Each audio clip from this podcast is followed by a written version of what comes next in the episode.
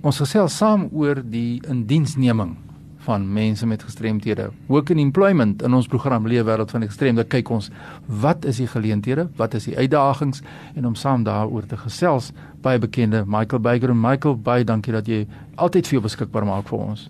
Thank you. It's an absolute pleasure, and we're getting very practical. In the last program, we had some direct, practical advice, and hopefully this one as well. Ja, die mense gesels saam. Ons wil weet wat is die slaggate en ons het nou in vorige programme die wat nou gemis het in die vorige programme ons het gekyk wat is die internasionale perspektief oor gestremdheid in sy in die wêreld en wat het Suid-Afrika gedoen in 2015 op 9 Desember om presies te wees om die wetskrif te teken oor die regte van persone met gestremthede waar ons daardie statuur nou gegee het aan hierdie proses van indiensneming en wat ons moet doen en die pad wat ons moet loop.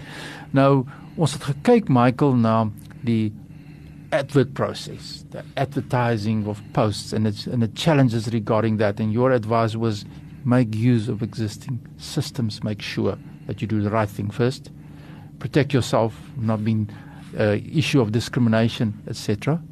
And now you apply for the post. You said now legally there's issues as far with the moment that you apply for that post, and now the interview process starts, and now a lot of questions comes forward from our constituency as well. What can I ask the person with a disability during that interview? Uh, what I can't ask, and what, etc., etc. What is your perspective on the issue of during the actual interview stage of employment?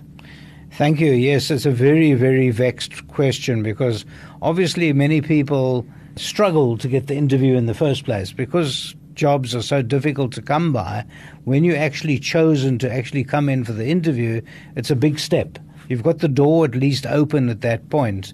Uh, many, many people with disabilities phone me, and I get these, these questions often that do they actually, first of all, come forward and tell the employer about their disability before they even come for the interview? Do they actually, at the interview, tell the employer about the disability? Now, it's dishonest not to say so.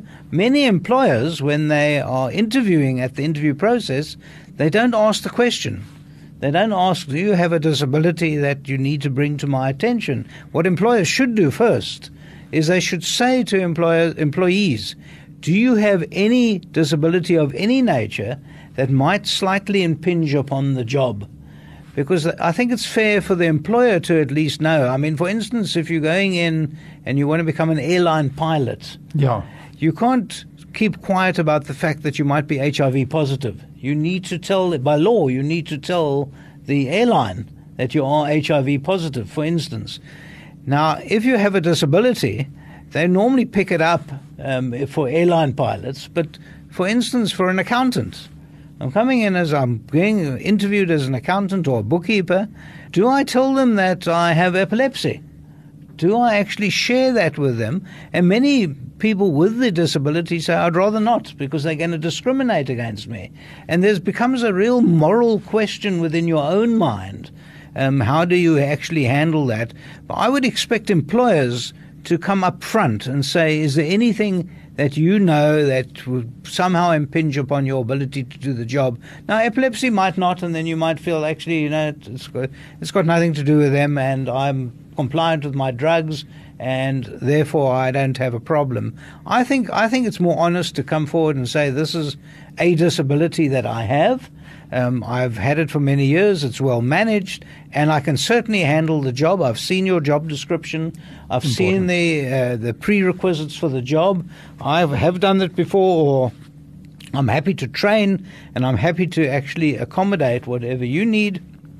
All you need to do as an employer is to accommodate me ever so slightly. Ja, en dit is wat die wetgewing dan ook voorsiening maak vir redelike akkommodasie.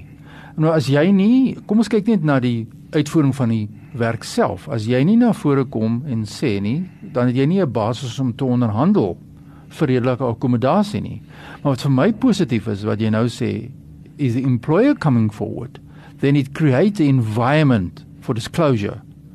Easier to disclose if I come as an employer to say, listen, I want to deal with you. I want to negotiate with you. I want to know and I want to accommodate. Is it so?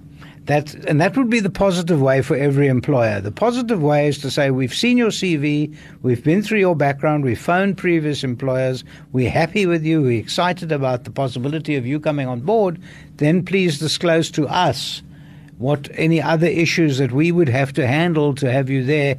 And I must tell you, if um, after they've told you that, and then you say, "Well, I have epilepsy," and then they say, actually, we're not so keen on you, well, then we've got people who are discriminating against. And so then we've got someone there opposite you on the table that is bad for you.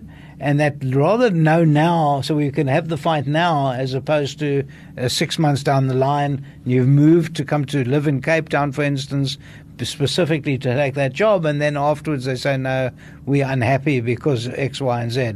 Also, if they ask you, it doesn't help to say, no, no, nothing, nothing at all, because then afterwards you become a liar because you didn't tell them. So be careful of that as well. And safety. You can, you won't get dismissed for the disability, you'll be dismissed for dishonesty. And that's, that's bad.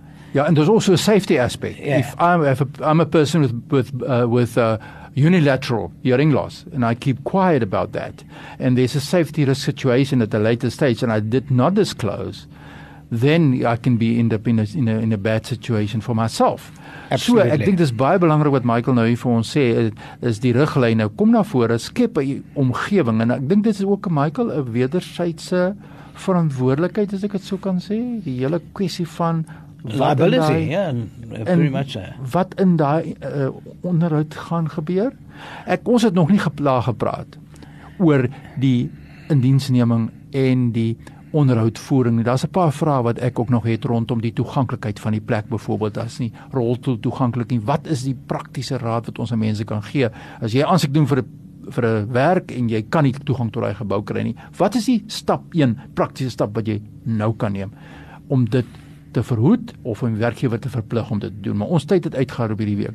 Volgende program gaan ons gesels verder met Michael Beyger. Michael, bye bye. Dankie. Jou e-pos as mense nou baie opgewonde is oor hierdie saak van diensneming, waar kan hulle jou aan die hande? Thank you. My email address is michael m i c h a e l bagrams b a g r a i m s .co.za. As jy e-pos wil stuur aan my of kopie vir ons albei in die e-pos fani.dt by mweb.co.za www.co.za hou jou vrae kort en spesifiek rondom werk en indiensneming en dan sal ons kyk wat ons die antwoorde vir jou kan deurgee en hoe ons die antwoorde vir jou kan deurgee. Stuur ook 'n SMS as jy nie toegang het tot internet nie by Fani. Ek sal dadelik reageer. 082 8207358 stuur die SMS kort merk dit werk en indiensneming en ons kyk wat ons kan doen. Tot volgende week. Dan gesels ons verder